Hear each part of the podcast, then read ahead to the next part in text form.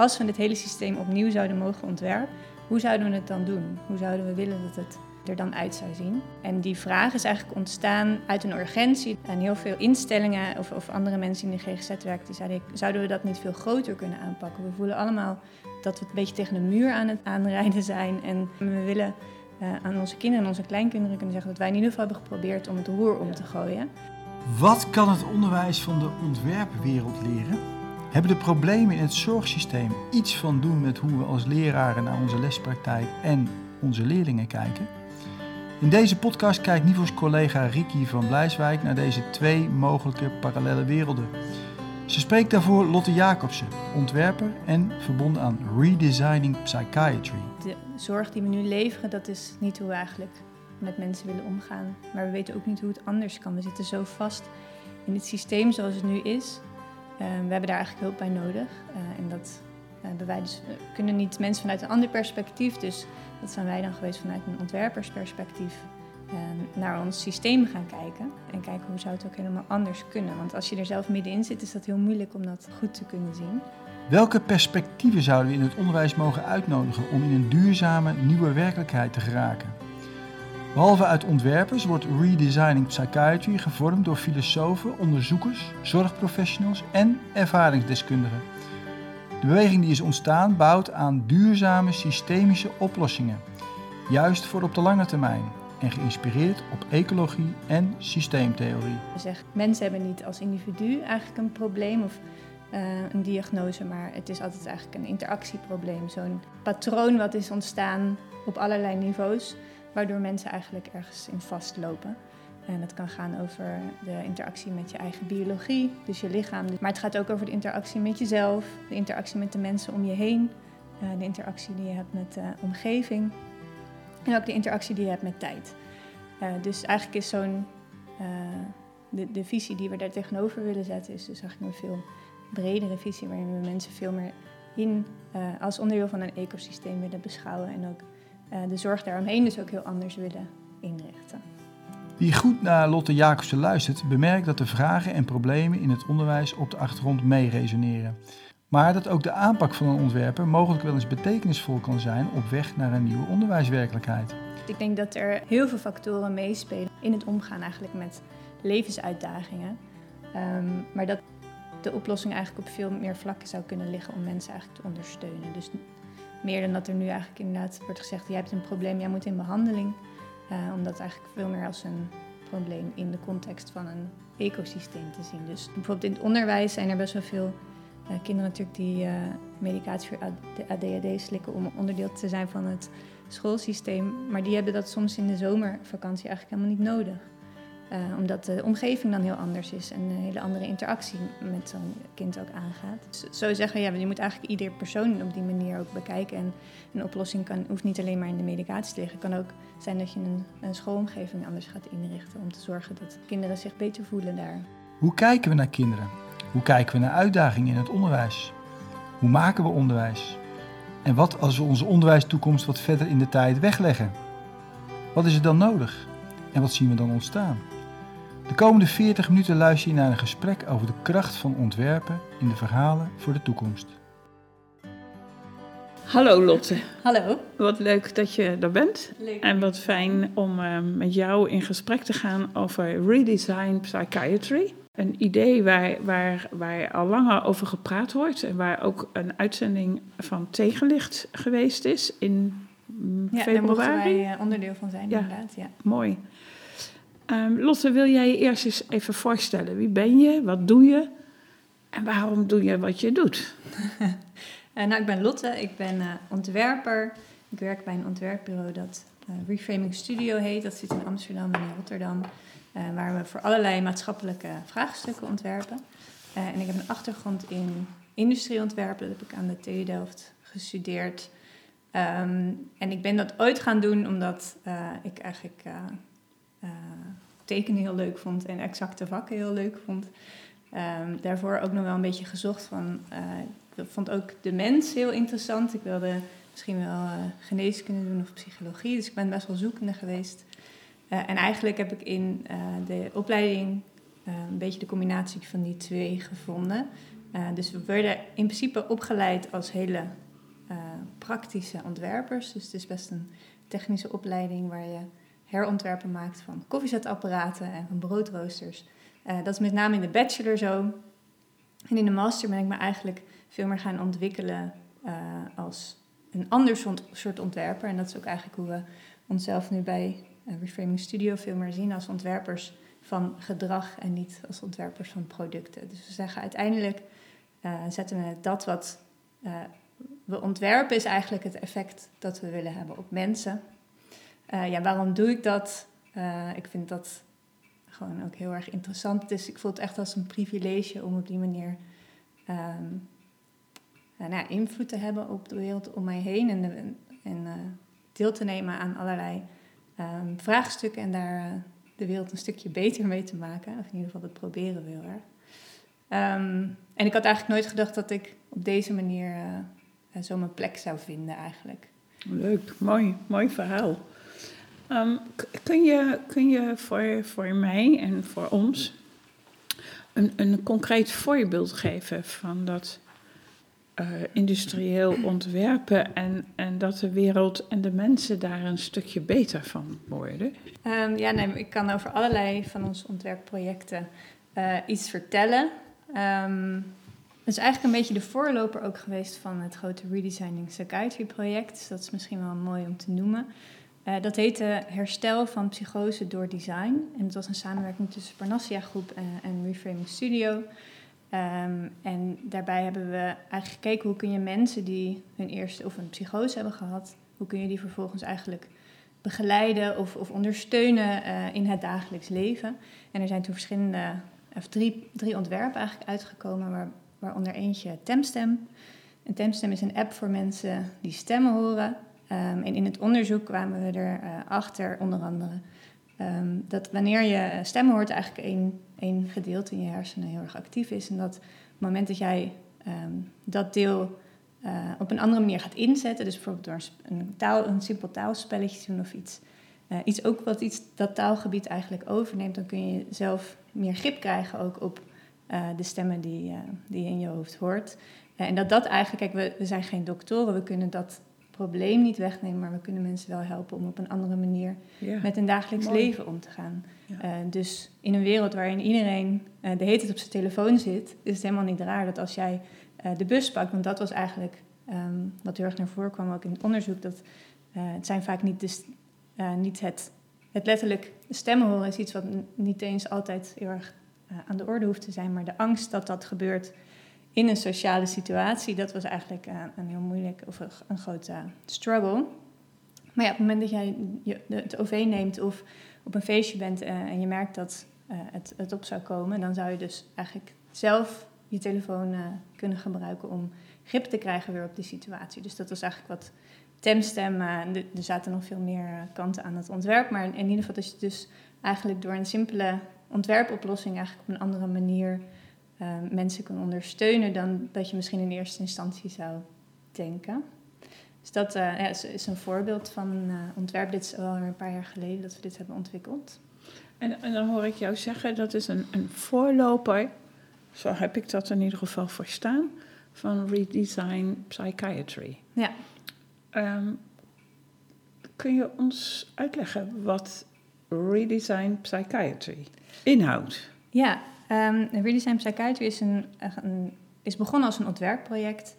Uh, waarbij uh, een, nou ja, groep van ontwerpers, filosofen, psychologen en allerlei GGZ-instellingen um, zijn gaan nadenken over de vraag: als we dit hele systeem opnieuw zouden mogen ontwerpen, het hele GGZ-systeem, hoe zouden we het dan doen? Hoe zouden we willen dat het er dan uit zou zien. Um, en die vraag is eigenlijk ontstaan uit een urgentie. Dus heel veel. Uh, uh, dus we hebben dat project gedaan voor Panassia rondom dus psychoses. En heel veel instellingen of, of andere mensen in de GGZ werken, die zeiden: zouden we dat niet veel groter kunnen aanpakken? We voelen allemaal dat we een beetje tegen een muur aan het aanrijden zijn. En, um, dat is ook een maatschappelijk probleem. Een maatschappelijk probleem. En we willen aan onze kinderen en onze kleinkinderen kunnen zeggen dat wij in ieder geval hebben geprobeerd om het roer om ja. te gooien. Um, en toen is zijn eigenlijk een aantal instellingen, met heel veel instellingen hebben we toen een, een, aanvraag gedaan volgens mij voor een, uh, grote zon- en wee-aanvraag. Dat hebben we toen niet gekregen. maar toen hebben we met die instelling eigenlijk gezegd... we hebben nu dit plan eigenlijk liggen... kunnen we het niet alsnog doen op een andere manier financieren. En dat hebben de instellingen eigenlijk... de eerste fase van dit project hebben zij toen mogelijk gemaakt... Um, en dat is hoe het allemaal is begonnen. Ik, ik, hoor, ik hoor een, een urgentie, hè? De GGZ, en, nou ja, dat weten veel mensen, dat, dat horen we ook in het nieuws. De wachtlijsten zijn daar en het loopt een beetje aan, bij iedereen over. Um, ik hoor ook een persoonlijke betrokkenheid. Um, zorgen dat je tegen je kinderen en kleinkinderen kunt zeggen dat jij in ieder geval eraan gewerkt hebt. Ja, en dat was dan niet per se vanuit mij, maar dat was eigenlijk ook de motivatie van heel veel partijen die zich daar toen bij hebben aangesloten. Uh, en zij voelden gewoon de, de zorg die we nu leveren, dat is niet hoe we eigenlijk met mensen willen omgaan. Maar we weten ook niet hoe het anders kan. We zitten zo vast in het systeem zoals het nu is.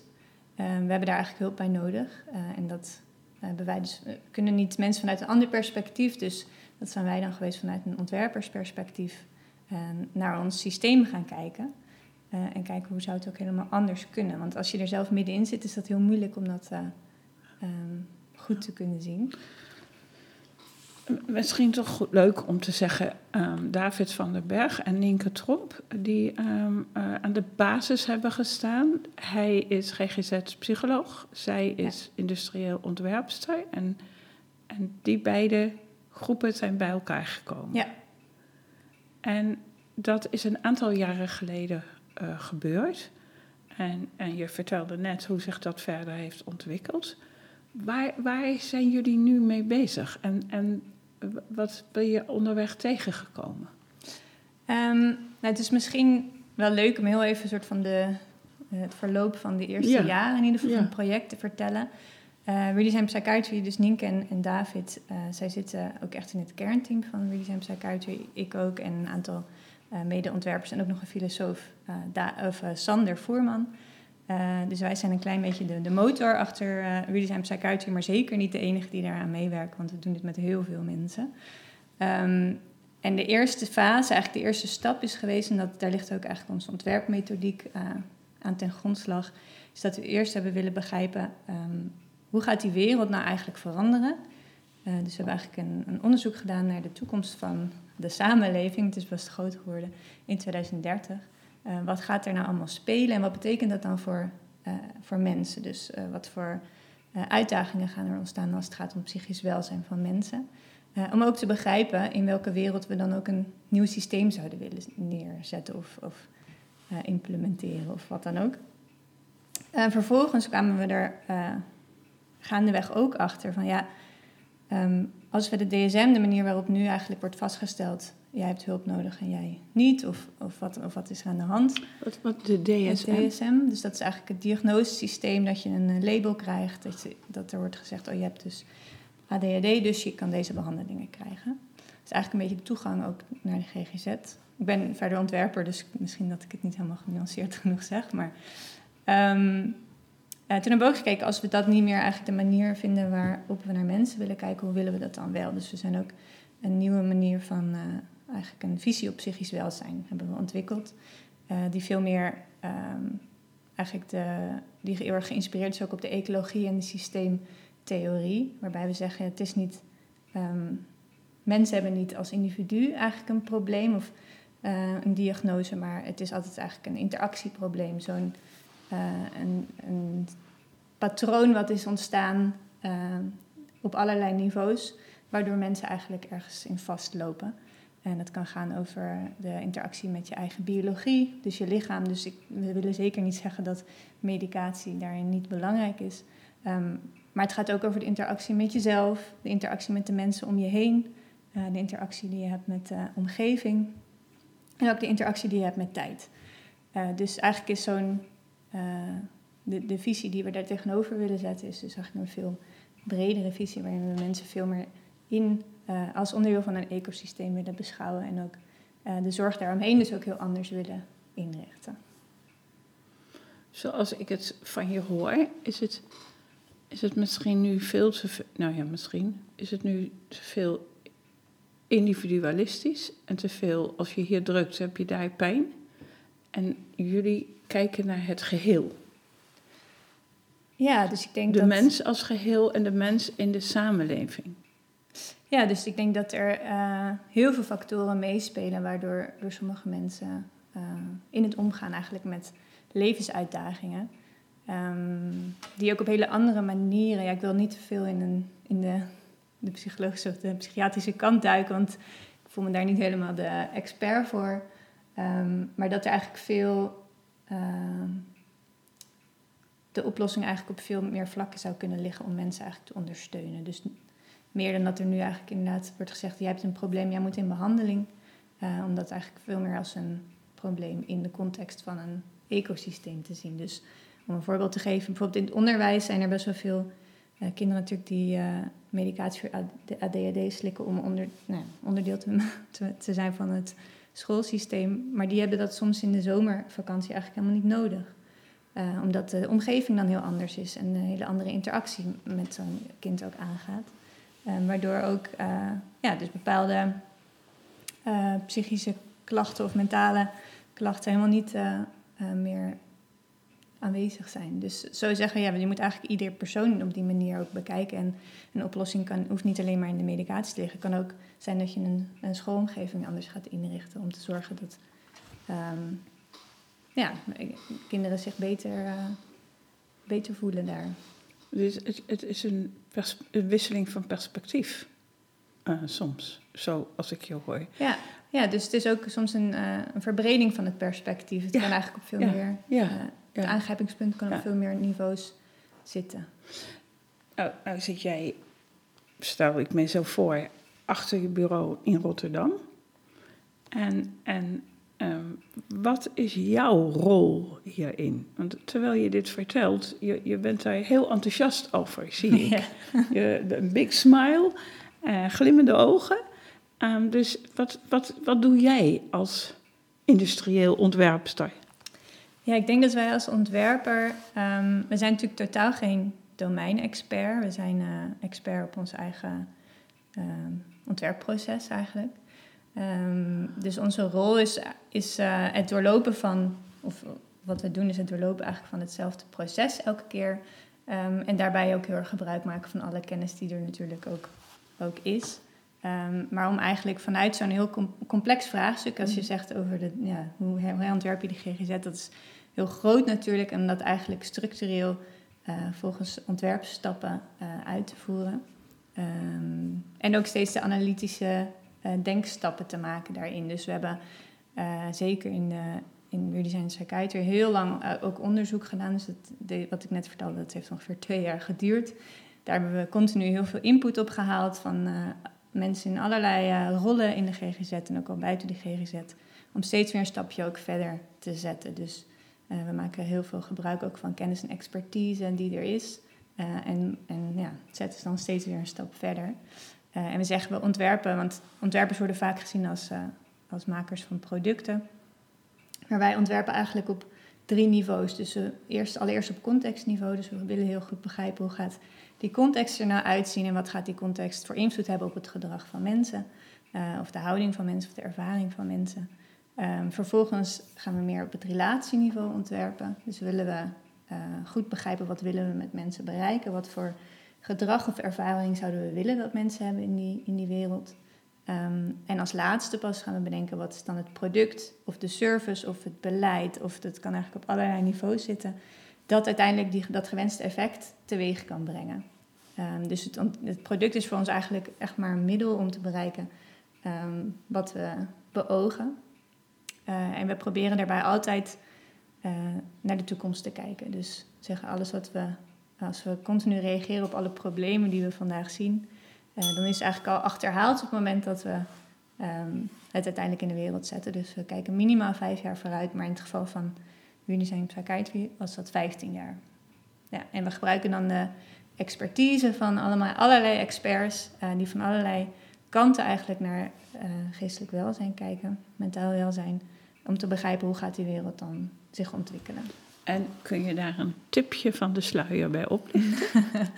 um, nou, wat we doen, we gaan eigenlijk op zoek in de eerste fase naar allerlei kleine stukjes waarheden van die toekomstige wereld. Dat noemen we dan contextfactoren. Het zijn eigenlijk allemaal kleine bouwstenen van die, van die toekomstige wereld. En dat halen we uit de sociologie, de filosofie, de psychologie.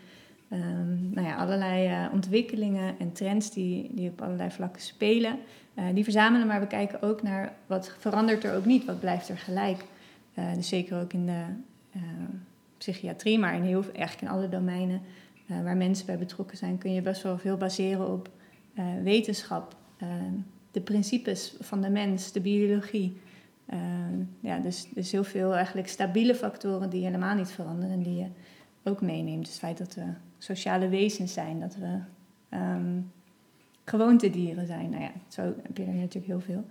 Uh, en voor dit project hebben we dat heel uitgebreid gedaan. Dus we hebben echt een, uh, een, eigenlijk een hele, volgens mij wel meer dan 500 van die bouwstenen verzameld. 500, zeg je? Ja, en die vervolgens ook weer teruggebracht naar grotere, eigenlijk stromingen, onderstromen, verhalen over die wereld die iets, uh, die iets zeggen over mentaal welzijn in 2030. Um, het is allemaal te lezen trouwens. We hebben dat, het is allemaal openbaar. Dus mocht u het leuk vinden, dan het is op onze website te downloaden. Maar dat zijn 18 verhalen geworden uh, over uh, mentaal welzijn. Dus dat gaat bijvoorbeeld over het feit dat we alles aan, onszelf kunnen meten, de meetbare mens. En dat heeft natuurlijk ook effect op hoe wij naar ons eigen welzijn kijken. En uh, hoe we naar elkaar kijken. Wat, bij wie ligt nou eigenlijk de verantwoordelijkheid voor gezondheid?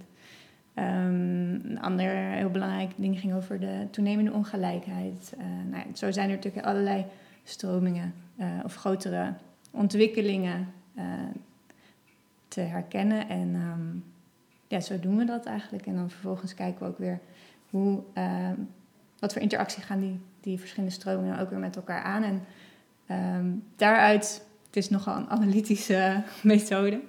Um, maar het is denk ik ook wel belangrijk als je naar zo'n groot onderwerp kijkt. Er speelt natuurlijk zoveel mee om dat ook gedegen en groot, uh, om daar niet te kort door de bocht te gaan. Uh, en uiteindelijk eindigen we dan eigenlijk, in dit geval zijn we geëindigd in, geloof, nou, nou ja, een stuk of 16 uitdagingen rondom psychisch welzijn. Waar we uh, als redesign psychiatry, maar misschien ook wel als samenleving iets mee moeten mm -hmm. in 2030. En rondom die uitdagingen, om kunnen we daar nog even op inzoomen? Wat, wat zo'n uitdaging bijvoorbeeld zou kunnen zijn? Um, nou, in het geval van dit project zou ik niet specifiek kunnen zeggen hoe we dat toen hebben geformuleerd, maar we hebben daar in ieder geval uh, um, op gereageerd met een manifest.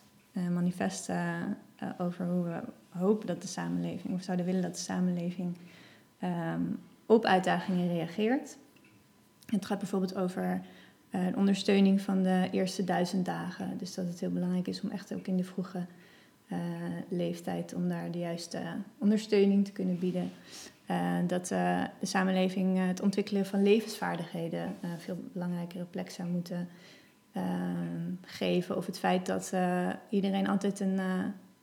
dat er betekenisvolle rollen zijn voor iedereen in de samenleving het die levensvaardigheden, om, om dat beter te doen.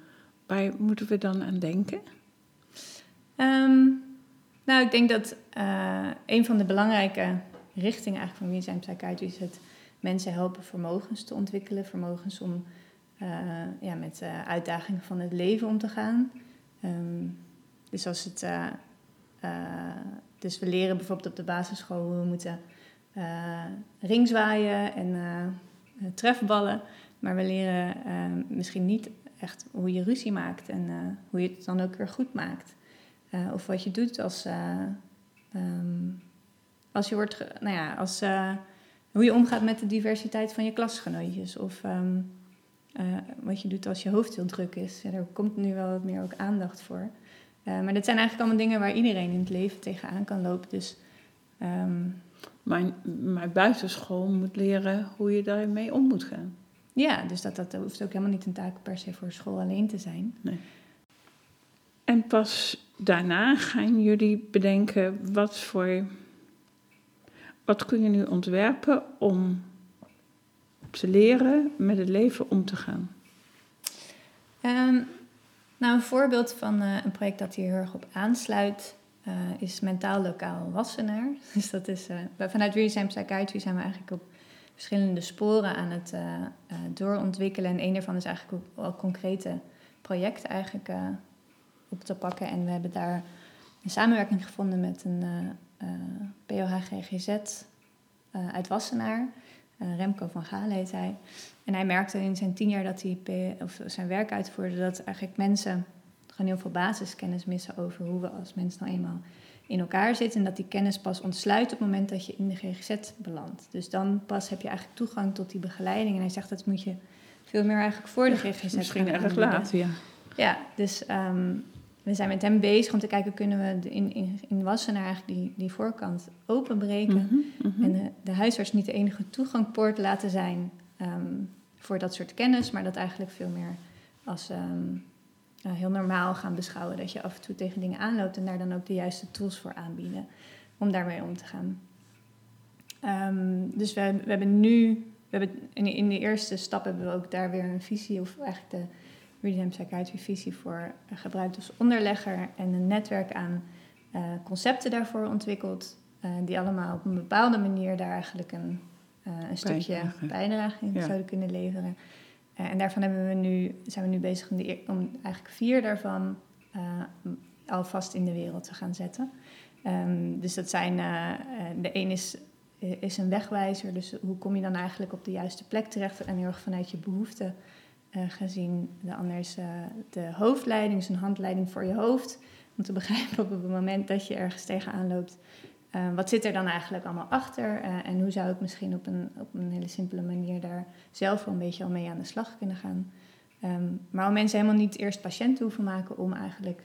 Um, Oplossingen te geven. Ja, of, ja. of uh, en op het moment dat mensen al helemaal vast zijn gelopen, is het heel moeilijk om bij te sturen en invloed daarop uit ja. te oefenen. Maar als dat op een eerder stadium zou kunnen ja. en dat dat ook meer normaal zou worden, um, ja, dan dat je mensen helpen. eigenlijk al veel eerder helpen om uh, met een situatie ja. of die, dat situatie te beïnvloeden. En, en dat gaat via de huisarts of via.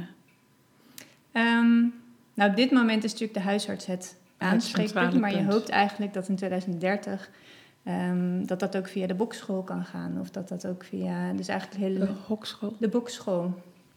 Dus dat eigenlijk uh, het werken aan, aan psychisch welzijn net zo normaal zou kunnen zijn als ze af en toe naar de sportschool gaan. En dat je uh, ja, dus een van de andere concepten is ook de levenslessen. Dus dat zorgt vanuit ook de analogie van de, sportschool. Maar dat je eigenlijk elke dagelijks gewoon een programma hebt waarbij waarvan je weet, oh, om uh, zeven uur is uh, workshop ruzie maken. Dus ik weet dat die er is. En ik kan daar misschien tegenaan lopen en dan kan ik daar altijd aansluiten. Um, of het kan ook gaan over piekeren. Het kan ook gaan over grenzen stellen. Dus het kan natuurlijk een heel breed programma zijn, maar dat het... Waar, waar iedereen wel eens tegenaan loopt. Waar iedereen wel eens tegenaan loopt. En wat heel normaal is om daar af en toe wat uh, ja. hulp bij te gebruiken. Ja. Als ik jou zo hoor en, en ik kijk naar uh, onderwijs en, en het werk wat we doen, dan, dan zie ik um, wel verschillende overeenkomsten. Onderwijs is ook gericht op de toekomst. Soms is die heel dichtbij en soms is die verder af. In de uitgangspunten hoor ik ook wat uit overeenkomsten. Um, ik noem, we noemden net al het woord perspectief, um, mens zijn, mens worden, um, met levenslessen omgaan. Als, als je het project hebt Redesign Psychiatry, denk ik Redesign Education. Zou dat een optie kunnen zijn? Ja, zeker. Ja, Um, ik denk dat uh, uh, voor ons, toen we begonnen aan Redesign Psychiatry, was het sowieso heel nieuw eigenlijk om een heel systeem, ja, dat hadden wij ook nog nooit gedaan, een heel nee, systeem nee. te herontwerpen. Um, dat maakt het ook wel leuk, tot pionieren, toch? Ja, heel leuk en ook uh, af en toe niet zo goed weten wat je aan het doen bent. um, maar ik denk wel heel, heel interessant om als er echt een hele erge urgentie speelt en dat wordt heel breed gedragen in een systeem. Uh, in de GGZ zie je dat natuurlijk ook heel erg, want er zijn heel veel stromingen of bewegingen nu gaande, omdat ja, uh, verandering komt vaak voort ook uit een soort van urgentie of een chaos. Ja, iets, iets, nou ja, behoefte aan verandering. Ja. Um, ik denk als een systeem daar, dat, dat op veel plekken in het systeem wordt ervaren, Ehm, dat het een hele interessante... Kijk, en het is ook... ehm, wat we terugkrijgen van ook de GGZ-instelling met wie we dit zijn gaan doen... behalve dat we nu die beweging zijn gestart... en er eigenlijk ook allemaal... ehm, nou ja, is ook een, een soort van het openbreken van het systeem... op een andere manier over dingen gaan praten... Ehm, dat dat al heel veel... eh, eh, een andere taal gebruiken eigenlijk al heel veel meerwaarde kan hebben. Dus ehm, ja, als je dus eh, met z'n allen gaat bedenken hoe zou het ook helemaal anders kunnen, betekent niet dat je het systeem meteen om hoeft te gooien, maar je kan daar wel langzaam al dingen eh, uit gebruiken waarvan je denkt, ja, dat is een mooie. ehm, dat is mooi. Mooi een soort- begin. een mooi begin, ja, Ja. precies. Nou, ik, ik hoorde jou net iets zeggen eh, over eh, de ongelijkheid wordt vergroot. Dat is natuurlijk ook iets wat onderwijs aangaat. Ja. Ehm, ehm, zijn, zijn die zaken overdraagbaar? Want als jullie een beeld hebben van hoe het in de jaren 2030 eruit ziet, dan ben ik uitermate nieuwsgierig. Want dan denk ik, Wat dat dan betekent voor onderwijs. wat zou dat dan betekenen voor onderwijs? Ja, dat is een interessante vraag. En dat is ook wel een vraag waar wij zelf... eh, we hebben veel van het onderzoek tot nu toe... ehm, is veel over jongvolwassenen eh, en volwassenen gegaan. Eh, en wij hebben zelf als een heel belangrijk onderdeel van eh, het toekomstig netwerk... eigenlijk de aandacht voor de jonge generatie, de Mhm. toekomstige generatie. Die nu op school zitten, Die nu zeg op maar, basisschool. Ehm, dus wij, wij willen daar zelf ook nog, een, eh, eh, nog verder onderzoek naar doen. Dus dat gaan we doen, dat hebben we nu gepland eh, met het project naar mentale gymnastiek. Waarbij we inderdaad willen kijken, oké, wat betekent nou die, die verandering in de wereld voor, voor jongeren, voor kinderen eigenlijk op de basisschool. Als we het hebben over ehm, vermogens aanleren, wat zijn dat dan voor vermogens op jonge leeftijd eigenlijk al? Ehm, er gebeurt natuurlijk ook heel veel in het onderwijs. Eh, er is, rondom sociaal-emotionele vaardigheden, rondom prestatiedruk, rondom eh, nou ja, mindfulness. Dus het is ook helemaal niet dat we het, het wiel helemaal daarmee opnieuw willen uitvinden, maar wel met deze visie op psychisch welzijn ook. Wat is nou eigenlijk de vertaling naar eh, die hele jonge levensjaren? Ehm, en wat zou het onderwijs, maar misschien ook gewoon het hele netwerk rondom kinderen daar nou, eh, hoe zou dat nou anders ingericht kunnen worden? Ehm, om, die om, om jonge, jonge kinderen te helpen, ook om die vermogens op jonge leeftijd te ontwikkelen en te leren om ook met ja, de uitdagingen die nou eenmaal bij het leven horen al om te gaan. Maar ik heb daar dus nog niet echt een antwoord op wat dat dan eh, precies zal zijn. Er zijn natuurlijk ontwikkelingen als prestatiedruk eh, en ongelijkheid die daar zeker een hele belangrijke plek in innemen. Maar Ja, en, en leerlingen die medicijnen slikken. Ja. Hebben we natuurlijk ook. Ja. Ehm, nou, wat interessant is, is, is nou ja, het wordt vaak gezegd, hè, niet zozeer de antwoorden als wel de vragen zijn boeiend. En de vragen die jij opwerpt, ehm, haal je, waar haal je die van? Die, die haal je uit het onderzoek wat je uit Redesign Psychiatry Ja. eh, hebt gehaald. Daar, Ja. daar is onderwijs in die zin nog niet betrokken bij geweest. niet zo expliciet. Nee. Nee. Nee. nee. En nu eh, zei je iets over eh, mentale ja. gymnastiek. Ehm, zijn daar al fragmenten van, van of, of inkijkjes al van beschikbaar? Waarvan je zegt, nou, dat, dat vraagt ook nog meer onderzoek. Ehm, nou, we, hebben, eh, we staan in die zin nog een klein beetje aan het begin. Dus we hebben n- nog geen onderzoek wat ik kan delen. Maar het is wel iets... We hebben op een gegeven moment ehm, wel een aantal concepten geschetst eigenlijk. Eh, in die fase dat we eerst naar de toekomst zijn gaan kijken. Toen we de visie op psychisch welzijn hebben ontwikkeld... begonnen mensen op een gegeven moment wel te zeggen... oké, ja, allemaal heel mooi, maar... ehm, hoe ziet dat er dan uit, dat toekomstige netwerk? Hebben jullie daar al een beetje ideeën over? Dus dan hebben we wel een aantal knooppunten in een netwerk... ehm, eh, met een aantal beginnende concepten geschetst. En één daarvan was mentale gymnastiek. Eh, en dat is ook wat toen in tegenlicht ook werd genoemd en waar ook wel veel mensen op aangaan. Ehm, ja, iedereen vindt dat heel erg belangrijk. Dus hoe, hoe zorg je nou dat voor een veerkrachtige en weerbare generatie? Ehm, qua onderzoek durf ik er nog niet zoveel over te zeggen. Eh, ik denk wel dat het. ehm, het is eigenlijk een vertalingsslag van, van de visie die we natuurlijk ook al hebben liggen. Naar wat betekent dat nou voor de jonge, de jonge jaren? Eh, weet je of er zulk onderzoek loopt met betrekking tot onderwijs? Uh, nou, we zijn ook wel. De, volgens mij wordt er wel veel onderzoek gedaan. We zijn ook wel in, in contact met een aantal partijen, waaronder de samenwerkende SGF, samenwerkende gezondheidsfondsen. Uh, die ook veel, die hebben een, uh, een alliantie Gezonde Generatie, nu gestart met een aantal partijen. En zij hebben wel heel veel onderzoek gedaan naar het ophalen van de behoeften in het onderwijs rondom uh, sociaal-emotionele vaardigheden en ook weerbaarheid van kinderen. Um, dat zou kunnen doorsturen. Dat heb, die rapporten heb ik uh, in ieder geval uh, laatst binnengekregen.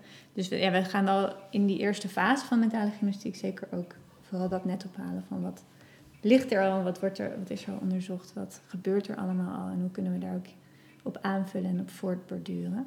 Mooi. Lotte, jij, jij zei net, ik keek op jullie website, de website van het NIFOS, en je zag overeenkomsten. Kun je die eens benoemen? Ja, want um, uh, jullie beschrijven eigenlijk ook op je website dat uh, je eigenlijk continu uh, moet blijven bevragen waarom doe je nou de dingen zoals je ze doet. Waarom is het onderwijs zoals het is ingericht, zoals het is ontworpen. en wat is ook het effect wat we daarmee willen of beogen op kinderen en de ontwikkeling van kinderen. en dat is natuurlijk eigenlijk precies hoe wij ons ontwerptraject ook altijd inrichten. Dus we beginnen eerst eigenlijk uh, in de huidige situatie kijkend waarom zijn de dingen nu zoals ze zijn. En vervolgens maken we de stap naar de toekomstige wereld. Om ook te begrijpen wat gaat er nou eigenlijk veranderen. Wat, wat, wat voor uh, uh, ontwikkelingen zijn er. Wat voor impact gaat dat hebben. En in de context van het onderwijs kan ik me heel goed voorstellen dat je continu wil bevragen. Wat wil je dat kinderen leren en kunnen? Wat, wat hebben zij nodig in die wereld over 10, 20 jaar? Um, en wat zou dat dan betekenen voor het onderwijs? En volgens mij is dat iets wat jullie vanuit het NIVOS ook heel erg proberen te bevragen. Van ja, die wereld is continu in ontwikkeling, is, is, geen uh, statisch, maar een dynamisch, uh, dynamische context waarbij je steeds ook moet blijven um, checken van doen we nog wat we. Heeft het nog het effect wat we willen dat het heeft, of moeten we eigenlijk gaan bijsturen? Zeg, zeg je daarmee dat wij NIVOS um, of mensen in het onderwijs ontwerpers zijn, zoals jij? Ik denk wel dat dat, dat, nou ja, ik denk niet precies zoals ik, maar ik denk wel het, uh, het bevragen van waarom je dingen maakt zoals je maakt en ook het ontwikkelen van, van onderwijsmodules of, of überhaupt. Dus dat zijn natuurlijk allemaal ontwerpvragen en ontwerpactiviteiten. Uh, dus ik denk dat er ontwerpers zijn van uh, heel veel verschillende soorten, maar dat het zeker een heel ontwerp, ontwerpers eigen is om die vraag te blijven stellen. Mooi. Kan een leraar een, uh, zijn eigen context ontwerpen? Ik denk dat dat eigenlijk heel erg moeilijk is. Ik denk ook uh, als, als iemand mij zou vragen om als ontwerper mijn eigen werk te ontwerpen of mijn, mijn situatie, is het heel lastig, want ik zit er eigenlijk middenin. Dus ik denk het mooie aan een en een ontwerpende blik is dat je eigenlijk vanuit een, uh, zonder oordeel te hebben, ergens naar kan kijken. Je bent niet beïnvloed. Uh, dat is denk ik een hele belangrijke eigenschap. Wij hadden uh, op een gegeven moment een nieuw ontwerpbureau, dat moest ingericht worden. Um, we zijn allemaal ontwerpers, we richten allemaal ons huis in, maar om dat gezamenlijk daar in dat bureau te doen, dat, dat lukt ons gewoon niet. Daar hadden we een andere, ander perspectief voor nodig. Een andere um, blik. Een andere blik. Um, sowieso ook iemand die alle belangen zou managen. Dus dat zijn wij ook, denk ik, wel vaak. um, dus ik denk dat een, het heel moeilijk is om, om voor iets te ontwerpen als je er zo middenin zit. Om het dan daadwerkelijk echt anders te doen, er echt anders naar te kijken. Um, ik denk ook wel veel mensen die ergens beginnen met werken, zien nog allemaal mogelijkheden of allemaal um, dingen die anders, misschien anders zouden kunnen. Die stellen nog heel erg die vragen. Maar als je er al lang in zit, uh, neem je een wereld zoals die is. En is het heel moeilijk om er dan nog Klopt. anders naar te kijken. Ja. En dan heb je mensen van buiten nodig. En ja. je hebt onderzoek, action research nodig. Ja. Om die blik van jou um, weer neer te zetten en, en, en je daar zelf vragen over te laten stellen. Want dat kan je dan wel. Ja, dus um, ja, zeker. Als je de juiste vragen stelt, kan je daar misschien wel weer anders naar kijken. Maar ik denk wel dat daar, uh, dat, dat een lastige opgave is. Nou zijn, leraren, nou zijn leraren natuurlijk niet ontwerpers in de zin zoals Lotte is. Zoals jij daarover praat, dat zou ik niet kunnen. Het is niet uitwisselbaar. Um, Maar het is wel aardig om, om, die, om die overeenkomsten te zien. Dat brengt mij op een andere vraag. In het NIVOS, waar wij werken, zijn we. ehm, onze core business is pedagogiek. Wij willen de leraren sterken in het uitvoeren van hun pedagogische opdracht die ze hebben. Zoals Ja. de GGZ eh, eh, mensen ook een opdracht hebben, zoals jij dat net formuleert. Hè? Ze zitten, het zit met de hart op de goede plek Ja. om goed te doen voor mensen die dat nodig hebben. En wat wij proberen te doen is ook veel met mensen in gesprek te gaan over. Het is niet de overheid die jou gaat helpen om dat te veranderen. Het is ook niet een zak met geld die dat doet. Het is ook niet het weerbericht van morgen. Mhm. het, is, het is wie jij bent. Jij zet die stap. Ehm, om, om, jullie, wat, hoe, hoe, hoe, hoe staan jullie daarin? Want daar, het is een ontwerp en er wordt materiaal gemaakt. Maar het is de persoon die uiteindelijk zegt, althans dat denk ik, het Ja. roer gaat nu om. Nou, ik denk wel dat je mensen kan helpen. Ehm, David is hier dan ook wel echt een voorbeeld in, denk ik. Die, eh, eh, die ze heeft op een gegeven moment ook gaan leren van ja, ik kan alles of overal toestemming voor vragen, maar ik moet eigenlijk gewoon eerst doen en vervolgens verantwoorden waarom ik dingen zo heb gedaan. Dus ik denk wel degelijk dat er een soort van persoonlijke Er een durf of persoonlijke lef moed moet zitten. nodig. Ja. En ook nou ja, de ruimte hebben om daar misschien... eh, dus als je echt aan het overleven bent, dan lukt dat denk ik niet. Ik moet nu eigenlijk denken aan eh, een vriendin van mij... die ehm, is begonnen als uh, zijinstromer om ook basisschooldocent te Ja. worden. Ja. En zij vindt het gewoon wel heel erg... eigenlijk heel erg zwaar. Ook, want ik zei, op een gegeven moment zei ik... maar het is zo'n mooi beroep, weet je. Je kan zo'n impact hebben eigenlijk in het leven van mensen. Precies. Eh, en zij zei, ja, dat is dus precies wat ik er zo moeilijk aan vind. Want ik zie ook wat ik allemaal niet kan en waar ik niet aan toe kom. En dus ik denk dat je mensen wel ook kan helpen om eh, echt kleine stapjes te nemen. En ja, je kan het niet allemaal in één keer Nee. anders doen, maar het zit ook een beetje in die... Nee. ehm, En het is ook niet altijd duidelijk wat je doet. Want er kunnen mensen zijn die. Er, het, het, het gebeurt. En dat, dat oud-leerlingen zeggen: twintig jaar geleden zei je dit. En dat is levensveranderend voor mij geweest. Terwijl je als leraar zelf geen niet door idee hebt wat je gezegd hebt. was, nee. Wat heb ik dan gezegd, vraag je. Dus, dus het is, dat, is, dat is onduidelijk. Het, het, dat je een impact hebt in het leven, of minstens dat je dat Ja. kan hebben. Nou, ik denk dat je hem sowieso hebt. Maar hier gaat het mij meer over ehm, ehm, soms knellensystemen. Ja. Dat hebben jullie in de GGZ en dat heb ik als leraar in een klas of als directeur van een school.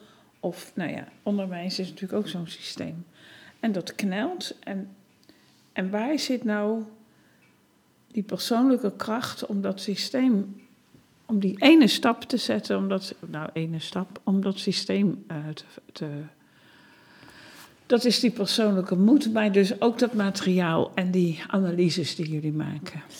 Nou, het kan natuurlijk, ehm, het kan natuurlijk heel erg bij de, bij de eh, als je nou ja, als echt op het individu gaat kijken, de persoon die voor de klas staat of die dagelijks met zijn poot in de modder in de GZ ook staat, ehm, ja, dan is het misschien ook eh, zoeken waar zit, waar zit de ruimte, waar zit misschien ook de energie, waar eh, je kan heel erg hard ergens tegen aanschoppen, maar als daar de, de beweging niet zit, misschien moet je het dan even ook ergens anders proberen. Dus ik denk dat dat ook echt wel een beetje Zoeken. zoeken is. Ja. Ehm, anderzijds denk ik wel eh,